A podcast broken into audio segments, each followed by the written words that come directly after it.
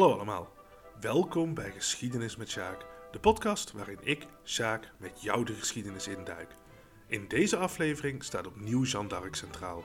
Vorige keer heb ik verteld over haar jeugd en de wereld waarin zij opgroeide en heb daarbij onder andere stilgestaan bij de achtergronden en het verloop van de 100-jarige oorlog. Daarna heb ik het gehad over Jeanne's ontmoeting met de Franse kroonprins Karel, haar overwinning bij Orléans en de kroning van Karel tot koning. In deze aflevering zal ik het gaan hebben over haar verdere successen, haar nederlagen en haar uiteindelijke arrestatie en executie. Ook zal ik beschrijven hoe haar nalatenschap op allerlei manieren gebruikt is geworden en proberen te duiden wat haar nou zo succesvol maakte. Maar laten we bij het begin beginnen, op 17 juli 1429 in Reims. Op 17 juli werd zoals vorige keer verteld de dauphin Karel gekroond tot koning Karel VII van Frankrijk. Vorige keer eindigde ik ermee dat Jeanne zich toen moet hebben afgevraagd wat ze nu zou gaan doen. Het antwoord op deze vraag ligt natuurlijk voor de hand, want ze besloot te blijven en zich te blijven inzetten voor de bevrijding van Frankrijk. Na de kroningsceremonie schreef ze daarom een brief aan de hertog van Burgondië en dat was, zoals je waarschijnlijk nog wel weet van de vorige aflevering, Philips de Goede. Die Philips de Goede had zich in de weken voorafgaande aan de kroning opvallend afwezig gehouden. Hij had bijvoorbeeld geen militaire hulp naar de Engelsen gestuurd toen die bij Orléans in het nauw zaten, maar anderzijds was hij ook niet ingegaan op de uitnodiging om bij de kroning van Karel aanwezig te zijn. Het was duidelijk, Philips was van plan om de kat uit de boom te kijken en gewoon te zien hoe de zaakjes verder zouden lopen. In haar brief riep Jeanne hem op om niet meer tegen de Fransen te vechten, maar vrede te sluiten, zoals hij als vazal van de koning behoorde te doen. Philips heeft deze brief overigens volkomen genegeerd. Trouwens, als je een overzicht wilt hebben van de situatie van Frankrijk in de jaren dat Jeanne d'Arc een hoofdrol speelde, je kunt deze podcast tegenwoordig ook volgen op Instagram. Daar vind je bij elke aflevering een aantal plaatjes, kaartjes of schilderijen die wat punten uit het verhaal ondersteunen. En nou ja, je kunt er dus bijvoorbeeld, zoals ik net al zei, een kaart vinden van Frankrijk ten tijde van Jeanne d'Arc. Goed, dat was even een huishoudelijke mededeling tussendoor. Maar wat Jeanne na de kroning het liefste wilde, was meteen weer ten strijde trekken. En ze wist ook precies waarheen. De Fransen zouden moeten optrekken naar Parijs. Het probleem was, Karel die voelde hier heel erg weinig voor. Hij had namelijk slechte herinneringen aan de stad. Zoals ik in de vorige aflevering heb verteld, had hij de stad in 1418 ternauwernood levend verlaten tijdens een slagpartij onder de Armagnacs. Een praktischer probleem was bovendien dat voor de belegering van Parijs een heel groot leger nodig was. Dat had Karel niet en evenmin had hij het geld om zo'n leger te verwerven. En dus besloot de koning om eerst maar eens te gaan onderhandelen met Philips de Goede. En dat leek succes te hebben. Want hij sloot een wapenstilstand van 15 dagen met de Burgondiërs en onderdeel van die afspraak was dat Parijs daarna zou worden overgedragen aan de Fransen. Karel hoopte dat dit verdrag de opmaat zou zijn naar een bondgenootschap met de Burgondiërs. Jeanne was woest over dit alles. In een brief aan de koning veroordeelde ze het verdrag scherp en gaf aan niet te weten of ze zich eraan zou kunnen houden. Haar aanmatigende toon stoorde Karel want dit was natuurlijk niet hoe een onderdaan zich tegenover een vorst behoorde te uiten. Wat je natuurlijk niet moet vergeten, de positie van zowel Jean als Karel was na de kroning in Reims opeens ingrijpend veranderd. Jean stond op het toppunt van haar faam. En Karel, ja, die was nu weliswaar koning, maar dat had hij natuurlijk volledig aan Jean te danken. Want toen ze bij hem was gekomen, was hij eigenlijk niet meer of niet minder dan een zieltogende figuur geweest, die weliswaar claimde de rechtmatige koning te zijn, maar eigenlijk niks deed om die claim ook kracht bij te zetten, of zelfs om zich maar te gedragen als een eventuele koning van Frankrijk. Jean was eigenlijk voor hem een soort wanhoopspoging geweest. Want laten we eerlijk zijn, wat had Karel in dit alles nou eigenlijk te verliezen gehad? Stel je voor dat Jean, ik noem maar wat, gesneuveld was voor de muren van Orléans. Ja, dan zou geen haan daar verder naar gekraaid hebben. En voor Karel zou er dan ook niks in zijn situatie veranderd zijn verder. Maar goed, Jean was niet gesneuveld. Het tegendeel zelfs, dankzij Jean was Karel nu opeens koning. Hij wist dat het dankzij Jean was, zijn raadgevers wisten dat, ja, in feite heel Frankrijk wist dit. En het kan niet anders dan dat hij dat gevoeld moet hebben, alsof hij in de schaduw van Jean stond. En daarbij komt ook nog eens dat wat Karel wilde en wat Jean wilde vaak verschilde. Dat bleek bijvoorbeeld al uit dat verdrag wat ik zojuist aanhaalde, dat Karel met Burgondië sloot. En ook het feit dat Jeanne soms op eigen houtje allerlei initiatieven nam. Denk bijvoorbeeld aan die brief die ze uh, na de kroning aan Philips de Goede had geschreven. Irriteerde Karel en zijn raadgevers mateloos. Jeanne had die brief namelijk buiten hun medeweten omgestuurd. En de toon van haar schrijven was ook nog eens dusdanig, ja, uh, arrogant bijna. Dat die de onderhandelingen met Bourgondië eigenlijk alleen maar moeilijker maakte. Hier moet wel bijgezegd worden: Jeanne kreeg wel gelijk wat betreft het verdrag. Want Philips de Goede van Bourgondië kwam zijn belofte om Parijs over te dragen niet na. Wel had hij hiermee dus de Engelsen 15 dagen extra de tijd gegeven om de verdediging van de stad op orde te brengen. Goed, nu ging Karel dus alsnog akkoord met een aanval op de stad en op 3 september werd begonnen met het beleg. Jean riep voor de muren de inwoners van de stad op om zich over te geven, maar de Parijzenaars gaven daar geen gehoor aan. Sterker nog, ze verzetten zich juist enorm fel. En de reden daarvoor was dat die Parijzenaars eigenlijk een beetje bang waren dat Karel, als hij de stad eenmaal had ingenomen, wraak zou gaan nemen voor dat beruchte bloedbad in 1418. Nou, Jean die leidde tijdens het hele beleg een aantal bestormingen, maar eigenlijk waren die allemaal zonder succes. Ze raakte ook nog eens gewond toen een kruisboogpijl haar uh, in haar dijbeen trof en ze was toen gedwongen om zich in een loopgraaf voor de stadsmuren verborgen te houden tot de nacht gevallen was. Na een paar dagen waren er bij allerlei stormlopen inmiddels 1500 Fransen omgekomen en dus besloot Karel om haar de aftocht te blazen. Jean die was het hier uiteraard niet mee eens. Het gebeurde echter toch al bleef Jean tot op het allerlaatste toe de inwoners van Parijs toeschreeuwen dat ze zich moesten overgeven en niet langer met de vijand moesten heulen. Het had natuurlijk allemaal geen effect. Die mislukte belegering van Parijs is eigenlijk haar eerste echte militaire nederlaag. De theologen van de Universiteit van Parijs trouwens, die verklaarden meteen na de terugtrekking van Karel dat hiermee bewezen was dat Jeanne helemaal niet in de gunst van God stond, maar dat ze een ketter was. Nou, onthoud dit, want dit gaat nog uitgebreid terugkomen. Ook hierna bleef Jean aandringen bij de koning om militaire actie. Uiteindelijk stond hij haar toe om de stad La Charité in te nemen, maar dat werd opnieuw een mislukking. Ze kreeg veel te weinig troepen mee en nauwelijks voorraden en al snel moest ze zich terugtrekken. En tot overmaat van ramp moest het legertje ook nog de kanonnen die ze hadden meegenomen achterlaten. Er is wel door historici gesuggereerd overigens dat dit alles een bewuste zet van Karel was. Hè, dat hij haar expres te weinig troepen en te weinig voorraden meegaf. Omdat hij wel aanvoelde dat de reputatie van Jean langzaamaan hier en daar wat deukjes begon te krijgen. Nou, of dat waar is, weten we natuurlijk niet. Maar we weten wel dat Jean er niet in slaagde om de stad in te nemen. En in november keerde ze teleurgesteld terug aan het hof. Daar zou ze daarna enkele maanden blijven. Dat was eigenlijk een leven dat haar totaal niet lag. Ze zat voor haar gevoel werkeloos vast in een soort gouden kooi. Maar niet getreurd, in het volgende voorjaar kon ze weer ten strijde trekken. Het was Karel namelijk eindelijk duidelijk geworden dat de Burgondiërs helemaal niet van plan waren om een verbond met hem te sluiten. Jean werd richting Compiègne gestuurd, een stadje ten noorden van Parijs dat door 6000 Burgondiërs belegerd werd. Er is onder historici overigens nog altijd discussie of ze dit nu deed in opdracht van Karel of dat ze er eigenlijk op eigen houtje op uit was gegaan. Nou ja, hoe het ook mogen zijn, op weg naar Compiègne nam ze wel een aantal plaatjes in. Het stadje Melun bijvoorbeeld gaf zich spontaan over toen de inwoners haar zagen. En dat kan niet anders dan een enorme opsteken voor haar zijn geweest. Een andere plaats die ze veroverde was Lagny en daar voltrok zich opnieuw een wonder. Een doodgewaande baby werd bij haar gebracht en toen ze deze in haar armen nam, begon het kind spontaan weer te ademen. Het leefde nog lang genoeg om gedoopt te worden. In datzelfde Lagny vond ook nog een andere gebeurtenis plaats die later een rol zou gaan spelen tijdens haar proces. Ze nam daar namelijk Francaire d'Arras gevangen. Dat was een soort warlord die vocht aan de kant voor Burgondië en die leiding gaf aan een compagnie huurlingen van enkele honderden soldaten. Afgesproken werd dat Dara ofwel geruild zou worden tegen een Franse gevangene, ofwel voor een losgeld vrijgekocht zou kunnen worden. Na enige tijd bleek echter dat de Fransman tegen wie Dara geruild zou worden gedood was.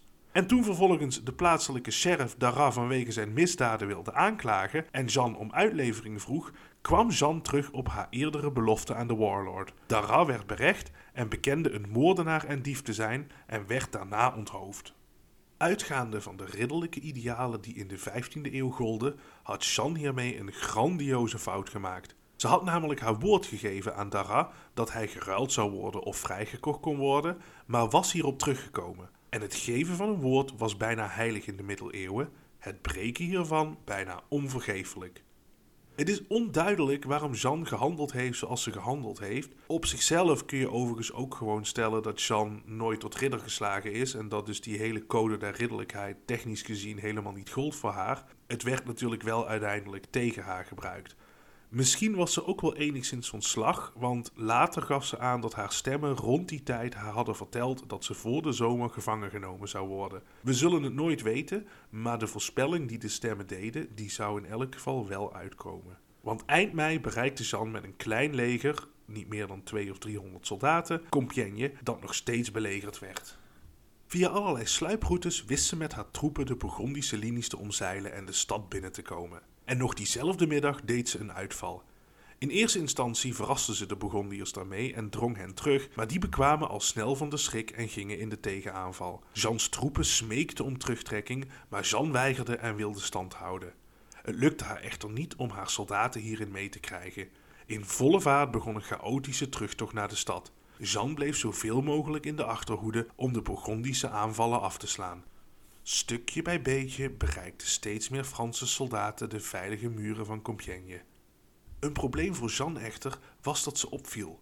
Ze droeg een duidelijk herkenbare uitrusting met een gouden tabbert en had natuurlijk haar vaandel bij zich. De Burgondiërs herkenden haar dan ook en wilden natuurlijk niks liever dan haar uitschakelen. Ook de militaire commandant van Compiègne moet haar vanaf de stadsmuren gezien hebben. En niet alleen dat, hij heeft natuurlijk ook gezien dat de Burgondiërs haar op de hielen zaten. En dus moest hij een keuze gaan maken. Hij moest de ophaalbrug ophalen of dat niet doen. Wanneer de brug omlaag bleef, dan zou Jean het redden. Maar dan zouden de Burgondiërs ook de stad kunnen binnendringen en die daarmee ook kunnen veroveren. Dat moest kosten wat kost vermeden worden. Hij gaf dan ook bevel om de brug op te halen. Jean kon nu nergens meer heen. Een boogschutter trok haar van haar paard en ze werd gevangen genomen. Ze zou nooit meer vrijkomen. Nog diezelfde avond werd Jean voorgeleid aan Philips de Goede. Wat tijdens die ontmoeting is gezegd is helaas niet overgeleverd, maar Philips liet wel meteen een triomfantelijk bericht uitgaan dat Jean zijn gevangene was. Toen Jean gevangen werd genomen voor de muren van Compiègne, werd er door haar aanvallers de hele tijd nadrukkelijk tegen haar geschreeuwd dat ze zich moest overgeven. Hier blijkt al uit dat niemand de intentie had om haar daar ter plekke te doden. En dat komt omdat de Burgondiërs Jeanne graag wilden verkopen en op die manier een flink losgeld voor haar hoopten te kunnen vangen. Waarschijnlijk gingen ze ervan uit dat er een soort biedingsoorlog zou ontstaan tussen enerzijds de Engelsen en anderzijds de Fransen. Dat viel nogal tegen. De Engelsen die lieten natuurlijk meteen weten haar graag te willen overkopen, maar de Franse koning Karel die deed helemaal niks. Karel heeft op geen enkel moment ook maar een minimale poging ondernomen om Jeanne vrij te kopen of haar op een andere manier vrij te krijgen. De man die alles aan haar te danken had, liet haar in feite keihard vallen. En dus werd Jeanne uiteindelijk voor 10.000 livres aan de Engelsen verkocht. In afwachting van haar overlevering werd ze opgesloten in een aantal Burgondische kastelen. Twee keer heeft ze geprobeerd te ontsnappen en vooral die tweede keer is eigenlijk ronduit bizar, want Jean sprong uit een raam dat zich ruim 20 meter boven de grond bevond. Ja, dat is natuurlijk een bij voorbaat kansloze poging natuurlijk. Gelukkig voor haar kwam ze er slechts met wat blauwe plekken vanaf, maar deze ontsnappingspoging zou tijdens haar proces nog terugkomen, dus onthoud dit even. Uiteindelijk werd Jean overgebracht naar Rouen, een stad in Normandië en dat was Engels gebied en daar zou ze voor een rechtbank moeten verschijnen. Nou, over dat hele proces kunnen we in principe natuurlijk heel kort zijn. Jeanne was natuurlijk kansloos. Het doel van die hele rechtbank was om haar via een mooi showproces ter dood te laten brengen en duidelijk te maken aan de hele wereld dat ze een voldoende ketter was. En daarmee waren dan ook meteen de nederlagen die ze de Engelsen had bezorgd verklaard, want die waren tot stand gekomen onder invloed van de duivel. Voor de duidelijkheid, Jeanne werd niet aangeklaagd om politieke redenen, maar dus voor ketterij. Ik kom daar straks nog even op terug, maar dit betekende dus dat ze moest verschijnen voor een kerkelijke rechtbank. In de middeleeuwen bestonden kerkelijke rechtbanken naast de reguliere burgerlijke rechtbanken. En het was overigens wel in het geval van Jeanne de afspraak dat indien zij zou worden vrijgesproken door de kerkelijke rechtbank, dat ze dan alsnog zou worden uitgeleverd aan de burgerlijke rechtbank. Zoals ik al zei, Jeanne was bij voorbaat kansloos. En dat hele proces dat rammelde natuurlijk in juridische zin ook van alle kanten. De vooringenomenheid van de rechtbank blijkt eigenlijk uit bijna alles. Het hele proces zou geleid worden door Pierre Cochon, de bisschop van Beauvais en een uitdrukkelijke aanhanger van de Engelsen. Die Cochin wilde dusdanig graag de hele zaak leiden dat hij Jeanne persoonlijk escorteerde naar Rouen, bang als hij was dat ze zou ontsnappen. Volgens het kerkelijke recht overigens mocht Cochin de zaak helemaal niet leiden, want iemand die beschuldigd werd van ketterij, die moest worden berecht in het bisdom waar diegene geboren was. Maar, zo stelde Cochin, Jean was in zijn bisdom gearresteerd en dat was in deze ook gewoon genoeg. Nou, hier kwamen natuurlijk protesten tegen, maar Cochin werkte simpelweg iedereen die hem dwars zat weg. Eén iemand werd opgesloten, een ander moest vluchten en een derde persoon wist zichzelf te redden door te stellen dat hij dronken was geweest toen hij de legitimiteit van de aanstelling van Cochin in twijfel trok. Ook de plaatselijke vertegenwoordiger van de Inquisitie, een man genaamd Jean Lemaitre, protesteerde tegen de gang van zaken en wilde eigenlijk geen zitting nemen in het rechtscollege. De Inquisitie was in principe eigenlijk de organisatie die belast was met het opsporen en veroordelen van ketters. En dat ging volgens heel strenge en vaste regels. En al die regels lapte Cochin in feite aan zijn laars. Die Cochin zette Lemaitre echter zo zwaar onder druk dat hij alsnog deelnam aan het proces. Later zou hij verklaren dat hij dit puur uit angst gedaan had. Cochin stelde ondertussen zoveel mogelijk gelijkgestemden aan in het rechtscollege. Uiteindelijk bestond dit uit een kardinaal, zes bisschoppen, 48 dokters of kandidaat-doctoren in de theologie, zeven artsen en nog eens ongeveer 100 andere geestelijken. Dat was voor die tijd een ongekend hoog aantal. En Jeanne? Jeanne die had alleen zichzelf. In afwachting van het proces werd ze opgesloten in een donkere, vochtige cel. Ze zat daarbij vastgeketend aan haar bed en haar Engelse bewakers die suggereerden bijna dagelijks dat ze haar zouden verkrachten. In feite is dit alles natuurlijk een vorm van zware mentale marteling. Uiteindelijk werd het onderzoek naar Jean officieel geopend op 9 januari 1431. En als onderdeel daarvan werd iemand naar Domremy gestuurd om daar navraag te doen naar haar jeugd en achtergrond. De gegeven verklaringen waren alle zeer positief over Jeanne. En Cochat die was hier zo boos over dat hij weigerde om degene die namens de rechtbank naar Domremy was gereisd te betalen. De getuigenissen zouden overigens ook helemaal niet gebruikt worden tijdens het proces, want die waren natuurlijk allemaal in het voordeel van Jean. Cochat heeft later overigens ook nog geprobeerd om valse verklaringen op te nemen in de notulen van het proces, maar de hoofdgriffier, uh, een zekere Guillaume Marchand, die weigerde om hieraan mee te werken. Wat overigens die hele rechtszaak van Jeanne d'Arc mede zo bijzonder maakt, is dat de aantekeningen daarvan bewaard zijn gebleven. En daardoor hebben we eigenlijk een vrij goed beeld van haar en hoe zij zich verweerde. Dat die notulen bewaard zijn gebleven, daarvoor mogen we Guillaume Marchand uh, bedanken, die ik net hiervoor heb genoemd. Want vier jaar na Jeans dood uh, heeft hij de door hem gemaakte stukken vertaald in het Latijn en in vijfvoud afgedrukt. En drie van die vijf afdrukken die bestaan heden ten dagen nog steeds. Maar goed, ik heb het nu over het heden. Uh, ik loop daarmee een beetje op de zaken vooruit. Op 21 februari 1431 werd Jean's zaak officieel geopend. En vanaf het eerste moment beet ze fel van zich af. Ze moest bijvoorbeeld zweren dat ze eerlijk antwoord zou geven op de aan haar gestelde vragen, maar Jeanne reageerde meteen dat ze niet wist wat die vragen zouden zijn en dat het dus misschien ook wel zo kan zijn dat ze op sommige vragen geen antwoord wilde geven. Ze gaf aan dat ze best iets wilde vertellen over haar jeugd en haar ouders en dat soort dingen, maar dat ze niks kwijt wilde over haar gesprek met de toenmalige dauphin. Ze maakte ook meteen duidelijk dat ze wist dat ze geen eerlijk proces zou krijgen en dat ze daarom zichzelf dus ook niet verplicht achtte om naar eerlijkheid mee te werken. Daarna werd haar gevraagd het Onze Vader te bidden. Jeanne ging daarmee akkoord op voorwaarde dat Cochin haar de biecht af zou nemen. Die weigerde dit gewoon ronduit. En dit was eigenlijk opnieuw een schending van het kanonieke recht, want een verdachte had hier ten alle tijde recht op. Op die eerste dag werd haar ook nog eens medegedeeld dat ze voetboeien zou moeten dragen wanneer ze naar de rechtbank werd gebracht, vanwege haar eerdere ontsnappingspogingen. Jeanne antwoordde simpelweg dat ze zou blijven proberen om te ontsnappen. Nou, het mogen duidelijk zijn, de toon van de hele zaak was meteen gezet en het moet Cochin mateloos geïrriteerd hebben hoe Jeanne op die eerste dag de rechtbank trotseerde. Het was duidelijk dat van een snel, simpel showproces geen sprake zou gaan zijn.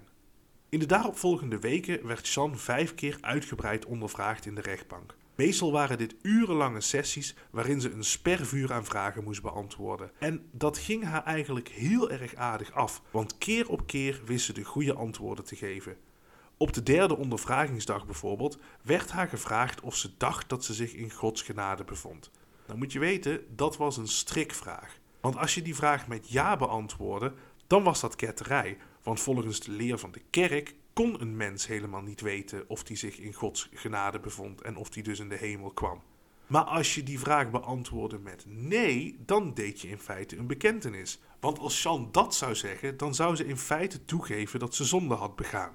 Het feit dat deze vraag trouwens überhaupt gesteld werd, riep ter plekke meteen protest op van een aantal aanwezigen. Een van de leden van het rechtscollege is zelfs gaan staan en heeft gezegd dat Jean helemaal geen antwoord hierop hoefde te geven. Uh, en dat kwam hem ter plekke op een woedende reprimande van Cauchard te staan. Jean gaf wel antwoord en deed dat eigenlijk op de perfecte wijze. Want ze zei: Als ik het niet ben, mogen God me dan in zijn genade opnemen. En als ik het wel ben, mogen ik dan altijd in zijn genade blijven. Ik zou de ongelukkigste persoon op aarde zijn als ik zou weten dat ik niet in zijn genade zou staan. Het rechtscollege was verbijsterd. Het is goed om hier nog even te vermelden dat Jean op dat moment een meisje van 19 jaar was, die geen enkele opleiding had gehad, die niet kon lezen of schrijven, die urenlang ondervraagd werd al wekenlang opgesloten en vastgeketend zat in een donkere cel en op dat moment in haar eentje stond tegenover een rechtscollege dat haar overduidelijk geen eerlijk proces wilde geven. Ja, zoals hiervoor al gezegd, Jean was in principe voorgeleid aan dat rechtscollege op beschuldiging van ketterij. Nou, volgens de officiële definitie is een ketter iemand die tegen de leer van de kerk ingaat. Dat is natuurlijk een vrij vage omschrijving, dus in principe kon daar heel erg veel onder vallen. Jeanne werd er specifiek van beschuldigd een ketter, een afvallige, een zondaar en een afgodendienaar te zijn. En wanneer ze van haar cel naar de rechtbank werd gebracht, dan moest ze ook een hoed dragen waarop deze woorden stonden. Dat is natuurlijk eigenlijk opnieuw een voorbeeld van de vooringenomenheid van de rechtbank natuurlijk. Vergeet trouwens bij dit alles ook niet dat Jeanne, toen ze net voor het eerst bij Karel de Dauphin was geweest, al een keer uitgebreid onderzocht was door een aantal geestelijken en theologen, die specifiek keken of ze misschien ketterse denkbeelden en motieven had. Ik heb dat in de vorige aflevering ook kort genoemd. Uit dit onderzoek, dat trouwens plaatsvond in Poitiers en ongeveer drie weken duurde, werd geconcludeerd dat bij Jeanne geen sprake was van ketterse ideeën. De kerk had dus al letterlijk een keer bepaald dat Jean geen ketter was. Nou, helaas zijn de notulen van dat onderzoek in Poitiers verloren gegaan, maar tijdens het proces in Rouen werd af en toe aan dit onderzoek gerefereerd. Door Jeanne om haar onschuld aan te tonen en door Cauchard uiteraard met als doel om de conclusies van dat onderzoek in twijfel te trekken. De meest logische verklaring voor dit alles is natuurlijk dat het onderzoek in Poitiers gedaan werd door geestelijken die loyaal waren aan de Franse koning en dat het proces in Rouen, zoals bekend, geleid werd door geestelijken die op de hand van de Engelsen waren. Nogmaals, hè, derde keer, Jean maakte geen kans. Maar goed, wat betreft die beschuldigingen, met name het concept afgoderij is in deze eigenlijk interessant. Want ook afgoderij is eigenlijk een heel rekbaar begrip. Een bekend voorbeeld daarvan is het Bijbelse verhaal van het gouden kalf. dat is dat verhaal dat terwijl Mozes op de berg Sinaï de tien geboden van God ontving, maakten de Joden een gouden kalf als representatie van God. Maar doordat ze vervolgens het beeld gingen vereren, aanbaden zij eigenlijk niet meer God, maar het door hunzelf bedachte en gemaakte beeld van God. En dat was een zonde. Jeanne werd eigenlijk op twee manieren in verband gebracht met afgoderij. Om te beginnen was er de kwestie van haar stemmen. Jean werd meerdere keren gevraagd om die stemmen fysiek te omschrijven. Dat was een bewuste tactiek, want wanneer zij die heiligen die haar toespraken niet alleen gehoord had, maar ze ook had gezien, geroken, gevoeld, noem maar op, dan zou ze niet meer puur op basis van de stemmen gehandeld hebben, maar misschien ook wel op basis van andere uiterlijke kenmerken. En dan was er wellicht sprake van een duivel of demonen die haar verleid zouden hebben. Daarnaast zou ze door mannenkleren aan te trekken zichzelf tot een afgod gemaakt hebben en dat was dus ook verboden. Travestie was officieel verboden door de kerk, maar daar moet bijgezegd worden dat dit ook nogal een hellend vlak was. Want in het verhaal van de heilige Margaretha Pelagius bijvoorbeeld was travestie juist iets goeds. Die Margaretha had tijdens haar huwelijksnacht besloten dat ze haar maagdelijkheid wilde bewaren en daarom vluchtte ze naar een klooster. Daar trok ze mannenkleren aan en leefde vele jaren onder de naam Pelagius. Toen uiteindelijk haar geheim uitkwam, werd ze opgesloten, maar ze bleef een voorbeeldig aan God gewijd leven leiden. En iedereen was daar zo van onder de indruk dat ze na haar dood met de grootste eer begraven werd en later dus ook heilig werd verklaard. Aan Jeanne werd overigens tijdens het proces de vraag gesteld of ze vrouwenkleren zou aantrekken als ze in ruil daarvoor de mis zou mogen bezoeken. Ze stelde dat ze dat in principe goed vond, maar dat ze in haar cel gewoon haar eigen kleren zou blijven dragen. Daar ging de rechtbank niet mee akkoord. Goed, Weer terug naar de zittingen. Die zittingen, moet je weten, die waren openbaar. En dat houdt dus in dat er publiek bij was. En je kunt niet anders dan concluderen dat Jeanne daar eigenlijk wel een beetje bij in haar element lijkt te zijn geweest. Haar antwoorden zijn vaak erg spitsvondig en scherp. Bijvoorbeeld op de vraag of de stemmen kleren droegen, reageerde ze nogal bits met: Wat denkt u dat onze heer hen niet kan kleden?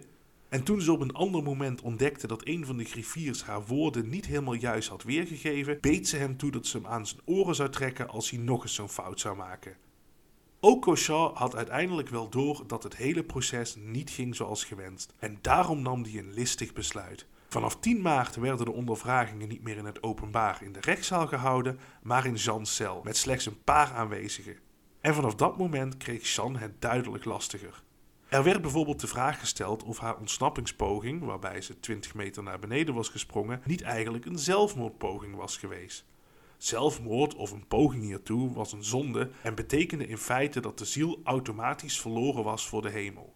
Jean antwoordde twijfelachtig. Ze ontkende dat het een zelfmoordpoging was, maar ze gaf wel aan dat ze tegen de wil van haar stemmen had gehandeld. Maar, zo zei ze, die stemmen hadden haar wel vergeven. En door dat te zeggen bracht ze zichzelf uh, ook weer in een lastig pakket. Want vergeving, dat was iets wat alleen de kerk kon schenken. En het was ketterij om te denken dat een gelovige dat zelf kon bepalen. Ook de executie van Franquet d'Arrac kwam ter sprake. En ook hier had Jeanne lastig. Ze ontkende eerst dat ze hem überhaupt tegen de afspraak in aan de rechtbank had uitgeleverd, maar later kwam ze daar weer op terug door te stellen dat hij de doodstraf verdiend had vanwege zijn misdaden. Daarnaast werd haar gevraagd of ze wel eens iemand gedood had. En ook dat ontkende ze stellig. Nou ja, goed, het is natuurlijk bijzonder onwaarschijnlijk dat ze nooit iemand gedood heeft, gegeven de vele gevechten waar ze bij betrokken is geweest. Maar goed, ook in de middeleeuwen waren dit allemaal geen kwesties op basis waarvan iemand ter dood kon worden veroordeeld. Uiteindelijk werden haar op 27 maart 70 artikelen voorgelezen waarin haar vermeende misdrijven waren opgesomd. Er werd haar nu eindelijk een soort advocaat aangeboden, maar dit weigerde ze. Ze gaf antwoorden op de artikelen, die werden door de rechtbank bestudeerd en op basis daarvan werd het aantal van 70 teruggebracht naar 12. Die 12 artikelen werden op 13 april naar de Universiteit van Parijs gebracht ter beoordeling van de theologen aldaar. Even voor je herinnering, dat waren diezelfde theologen die haar al tot ketter hadden verklaard na de mislukte belegering van Parijs. Enkele dagen nadat die stukken verstuurd waren, werd Jeanne ziek, waarschijnlijk als gevolg van een voedselvergiftiging. Volgens haarzelf had Cochin haar een verrot karper gestuurd. Die ontkende dat natuurlijk, maar beval de artsen wel dat ze onder geen beding Jeanne mocht de ader laten, bang als dat hij was dat ze zelfmoord zou plegen. Om haar nog wat extra onder druk te zetten, kreeg ze ook een paar dagen later een rondleiding langs enkele martelwerktuigen. Gelukkig voor Jeanne is ze nooit op die manier ondervraagd.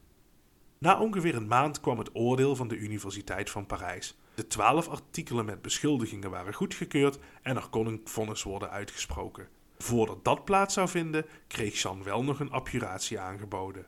Dat hield in dat ze de kans kreeg om haar misdaden te bekennen en haar vermeende ketterse ideeën af te zweren. Een eventuele ter dood veroordeling kon op die manier voorkomen worden.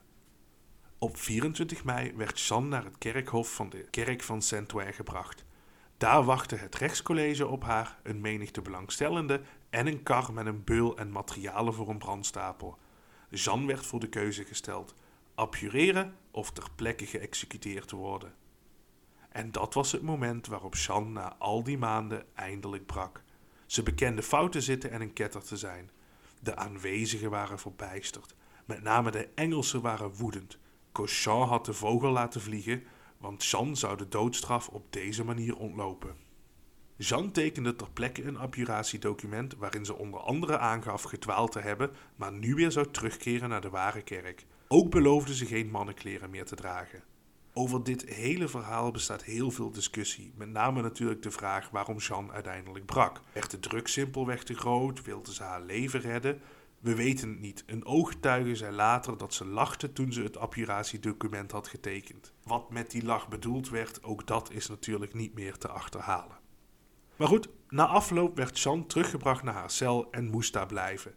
Vier dagen later trok ze, tegen de afspraak in, toch weer mannenkleren aan. Wat er allemaal precies gebeurd is en waarom ze dit gedaan heeft, dat blijft onduidelijk. Er zijn eigenlijk twee versies. De ene die stelt dat Jeanne na het tekenen van het appuratiedocument inderdaad vrouwenkleren aantrok, maar dat in haar cel een bundel mannenkleren was achtergelaten. En toen een van haar bewakers zei dat hij haar zou verkrachten, zou ze de mannenkleren daarom hebben aangetrokken. Volgens een tweede variant hebben de bewakers haar vrouwenkleren simpelweg van haar lijf getrokken en had ze dus geen andere keuze dan die mannenkleren aan te trekken. Ook in deze versie trouwens lagen die mannenkleren al in haar cel. De achterliggende vraag hierbij is natuurlijk: waarom lagen er überhaupt mannenkleren in haar cel? Waren die daar bewust neergelegd, zodat Jeanne de voorwaarden van haar appuratie zou schenden en daarmee zichzelf tot de dood zou veroordelen? Het zou natuurlijk kunnen, maar wellicht spelen ook gewoon andere dingen een rol. We kunnen alleen maar gissen wat Jeanne gevoeld en gedacht heeft in de dagen na haar appuratie, maar het is best aannemelijk dat ze zich uiteindelijk gerealiseerd heeft dat ze weliswaar niet de doodstraf zou krijgen, maar dat ze ook nooit meer vrij zou komen en dat haar de rest van haar leven een Engelse cel wachtte. Want de Engelsen die zouden haar natuurlijk nooit meer laten gaan. Zelf verklaarde ze dat het een fout was geweest dat ze het appuratiedocument had getekend en dat ze dit gedaan had uit angst voor de dood. Nou, Cochard die liet er verder geen gras meer over groeien. Een dag nadat ze mannenkleren had aangetrokken, op de 29 mei, werd ze officieel tot ketter verklaard en ter dood veroordeeld. Curieus is overigens wel dat Cochard het wel toestond dat Jeanne nog een laatste keer de communie zou ontvangen. Dat is in die zin opmerkelijk dat ze natuurlijk veroordeeld was als ketter, iemand die tegen de leer van de kerk inging. Waarom zou je zo iemand nog de laatste keer een hostie uh, willen geven? Is het mogelijk dat Cochard wellicht toch nog aan zijn oordeel twijfelde? Nou, ook dit is natuurlijk een vraag waar we het antwoord niet van weten. Maar tijdens haar rehabilitatie is dit hele verhaal wel nadrukkelijk naar voren gekomen als bewijs van Jeans onschuld. Maar goed, ik loop nu weer op de zaken vooruit en dit is allemaal leuk en aardig. Jean had hier op dit moment natuurlijk heel weinig aan. Ze zou gaan sterven. Op die bewuste 30 mei werd ze geboeid naar de markt van Rouen gebracht. Die stond volgepakt met mensen. Op het plein was een brandstapel opgericht waarop ze werd vastgebonden. Op haar verzoek hield iemand een crucifix voor haar ogen terwijl het vuur werd ontstoken. Haar dood ging naar verluid erg traag. Volgens de beul riep ze meer dan zes keer Jezus terwijl de vlammen haar omringden. Toen Jeanne eenmaal gestorven was, werd het vuur gedoofd en werd haar verkoolde lichaam getoond aan de menigte. Het moest voor iedereen duidelijk worden dat Jeanne, de maagd van Orléans, de vrouw die Frankrijk weer hoop had gegeven en die de Engelsen een paar smadelijke nederlagen had bezorgd, echt dood was. En daarna pookte de beul de vlammen nogmaals op, want de Engelsen hadden de uitdrukkelijke instructie gegeven dat er geen stoffelijke resten mochten overblijven, bang als ze waren dat die als een soort reliquie zouden worden beschouwd. Jeans as werd daarom uitgestrooid in de rivier de Seine. En daarmee kwam een einde aan Jeans leven. Maar haar nalatenschap die is ook bijna 600 jaar later nog steeds springlevend. Die nalatenschap is de afgelopen eeuwen talloze malen door allerlei groepen gebruikt en daarbij doet zich eigenlijk vrijwel constant hetzelfde probleem voor. Jeans verhaal wordt eigenlijk standaard uit de context van de eigen tijd gerukt en geplakt op een situatie in een andere tijd op een manier die gunstig is voor diegene die haar nalatenschap gebruikte. Een treffend voorbeeld hiervan is een anekdote uit de Tweede Wereldoorlog. Want tijdens de oorlog was een aanzienlijk aantal Fransen na de inname van Frankrijk door Duitsland gevlucht naar Engeland. En daar vormden zij de Vrije Fransen, een leger dat vocht tegen de Duitsers. De leider hiervan was Charles de Gaulle. En de Amerikaanse president Roosevelt die was al wat ongelukkig mee dat die de Gaulle niet democratisch tot leider van de hele beweging gekozen was. Maar zo had de Gaulle daarop gereageerd, Jeanne d'Arc was ook niet gekozen. De Gaulle vereenzelfde zich nadrukkelijk met Jean, want ja, die had ook gevochten tegen buitenlandse troepen die Frankrijk waren binnengevallen en deels bezet hadden, net als de Duitsers in 1940 gedaan hadden. Toch was deze opmerking ook wel een beetje curieus, want in Frankrijk had je ook Vichy Frankrijk, dat was het deel van het land dat vrijwillig samenwerkte met de Duitsers. En door Vichy Frankrijk was Jeanne d'Arc ook tot volksheldin en symbool van de natie uitgeroepen. Want ja, Jean die vocht immers, net zoals de Duitsers en de collaborerende Fransen, ook tegen de Engelsen. Nou, dit hele verhaal is eigenlijk tekenend voor hoe de nalatenschap van Jean gebruikt en misbruikt is geworden voor allerlei eigen doeleinden van allerlei groepen en personen. En dat gebeurde eigenlijk al vrij snel na haar dood. Eh, in het toneelstuk Henry VI zet Shakespeare haar heel erg neer als een heks die volledig terecht verbrand was als ketter. Vanuit Engels perspectief is dat natuurlijk logisch. En de verlichte denker Voltaire die maakte haar tijdens de verlichting belachelijk als een voorbeeld van bijgeloof van het volk en dat paste dan weer mooi in een aantal verlichte idealen. In de 19e en 20e eeuw werd ze voor nationalisten een personificatie van Frankrijk, hè, iemand die had gestreden en gestorven was voor het vaderland. Socialisten die zagen haar dan weer als een voorbeeld van iemand die de sociale klasse wist te doorbreken. Een meisje uit het gewone volk dat meer voor elkaar had weten te krijgen dan koningen, adel, aristocraten bij elkaar. Voor feministen was ze iemand die de traditionele rolverdelingen wist te doorbreken en daar uiteindelijk ook de hoogste prijs voor heeft moeten betalen. En ook heden ten dagen wordt de nalatenschap van Jeanne nog altijd door politici gebruikt. En dan is er natuurlijk ook nog Jeanne de Heilige in de katholieke kerk. Want het verhaal van Jeanne d'Arc eindigt niet met haar dood in Rouen in 1431. Het gaat nog een heel tijdje door, want Jeanne zou uiteindelijk gerehabiliteerd worden. Dat hele proces kwam op gang vanaf 1449. Op 10 december van dat jaar trok Karel VII in triomf Rouen binnen nadat hij die stad op de Engelsen had heroverd. In februari van het daaropvolgende jaar gaf hij opdracht om een onderzoek naar Jean's proces te beginnen. Dat hij daar pas ruim 18 jaar na haar dood mee kwam, nadat hij haar tijdens het hele gebeuren, zoals gezegd, op geen enkele wijze geholpen had, had misschien een praktische reden. Want voor zo'n onderzoek waren de originele documenten van het proces nodig. Nou, die lagen in Rouen en die konden dus pas gebruikt worden als die stad ook daadwerkelijk weer in Franse handen was. Maar het is natuurlijk waarschijnlijk dat ook allerlei andere factoren een belangrijke rol speelden. Want meteen na haar overlijden waren allerlei mythische verhalen ontstaan over Jeanne en haar dood. Zo zou haar hart niet verbrand zijn op de brandstapel, hoezeer de beul dat ook geprobeerd had. En toen ze gestorven was, zou een duif over haar lichaam zijn gevlogen richting Frankrijk. Ook opvallend was dat een aantal rechters die haar veroordeeld hadden in korte tijd op mysterieuze wijze stierven. Cauchon zelf bijvoorbeeld zou spontaan dood zijn gegaan terwijl zijn baard werd geknipt bij de barbier. Was dit misschien wel de hand van God? En bovenop dit alles was er natuurlijk ook nog Karels rol zelf. Hij had alles te danken gehad aan Jeanne, maar geen vinger uitgestoken toen ze in nood zat. En ja, dat gegeven was redelijk algemeen bekend. Misschien wilde hij wel zijn eigen straatje voor het oog van het volk schoonvegen door haar postuum te rehabiliteren en eer te bewijzen. Of misschien had hij ook wel een meer egoïstische reden, want wellicht deed hij het ook wel omdat hij niet wilde dat het idee zou ontstaan dat hij zijn kroon te danken had aan een ketter. Nou, hoe dan ook, een zekere Guillaume Bouillet werd benoemd door Karel om het onderzoek te leiden. Hierover kunnen we kort zijn, want net als bij Jeans proces stond de uitkomst van dit onderzoek in feite van tevoren al vast. Alleen dit keer in Jeans voordeel. Bouillet riep in totaal slechts zeven getuigen op en die waren op één na allemaal op de hand van Jean. En de enige die dat niet was, die hield een verhaal dat dusdanig bol stond van de wrok en rancune dat het Jeans zaak alleen maar hielp. De uiteindelijke conclusie van het onderzoek was dan ook dat Jean ten onrechte veroordeeld was. Dat was natuurlijk een postume opsteker voor Jean, maar tegelijkertijd zei het ook weinig. Want zoals je weet, Jean was door een kerkelijke rechtbank veroordeeld en om officieel gerehabiliteerd te worden moest de kerk het proces herzien.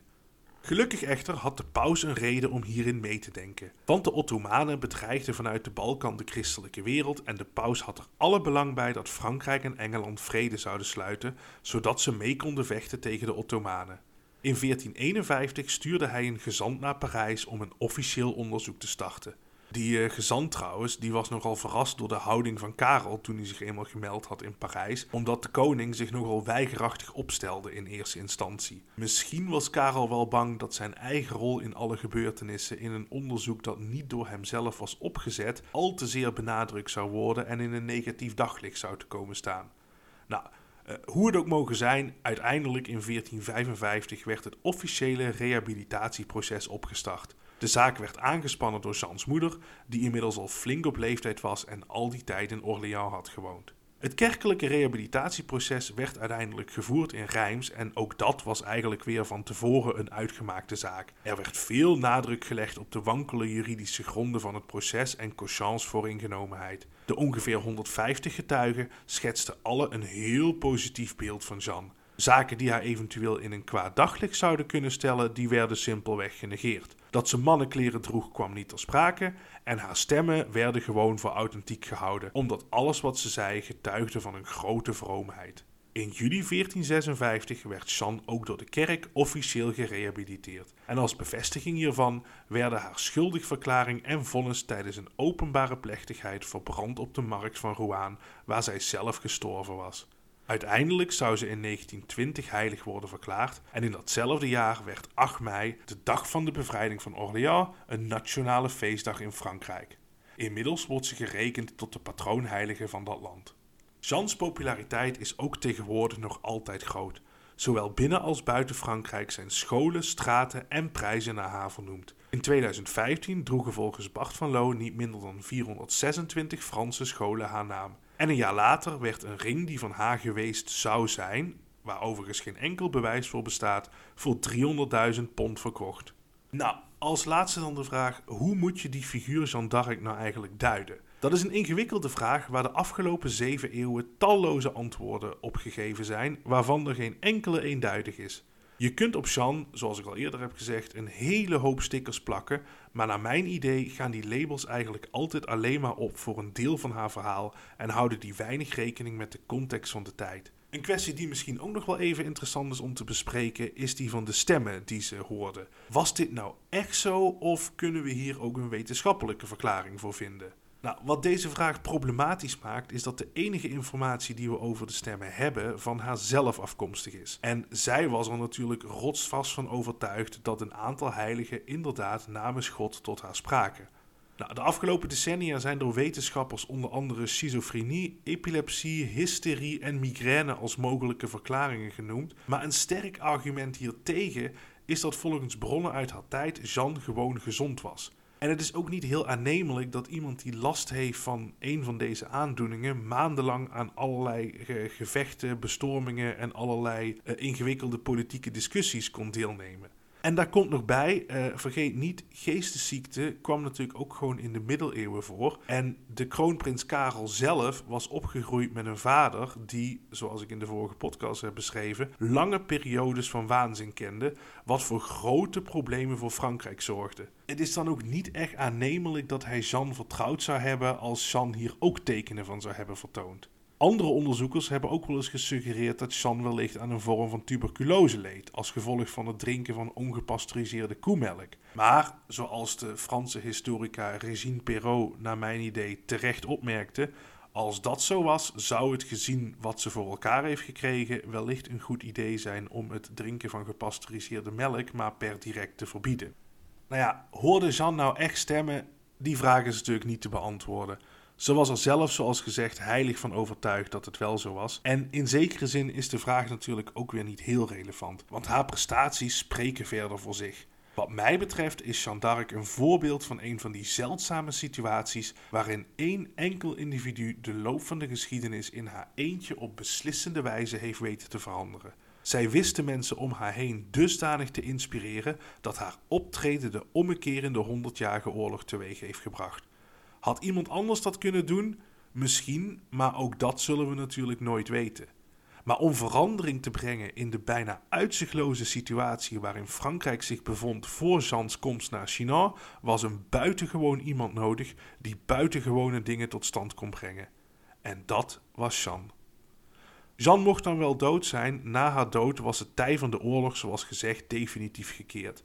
Langzaam maar zeker heroverde Frankrijk steeds meer gebied terug op de Engelsen. En in 1453 kwam de Honderdjarige Oorlog uiteindelijk ten einde en was alleen de stad Calais nog in Engelse handen. Desondanks zouden de oorlogen tussen Engeland en Frankrijk nog eeuwen door blijven duren.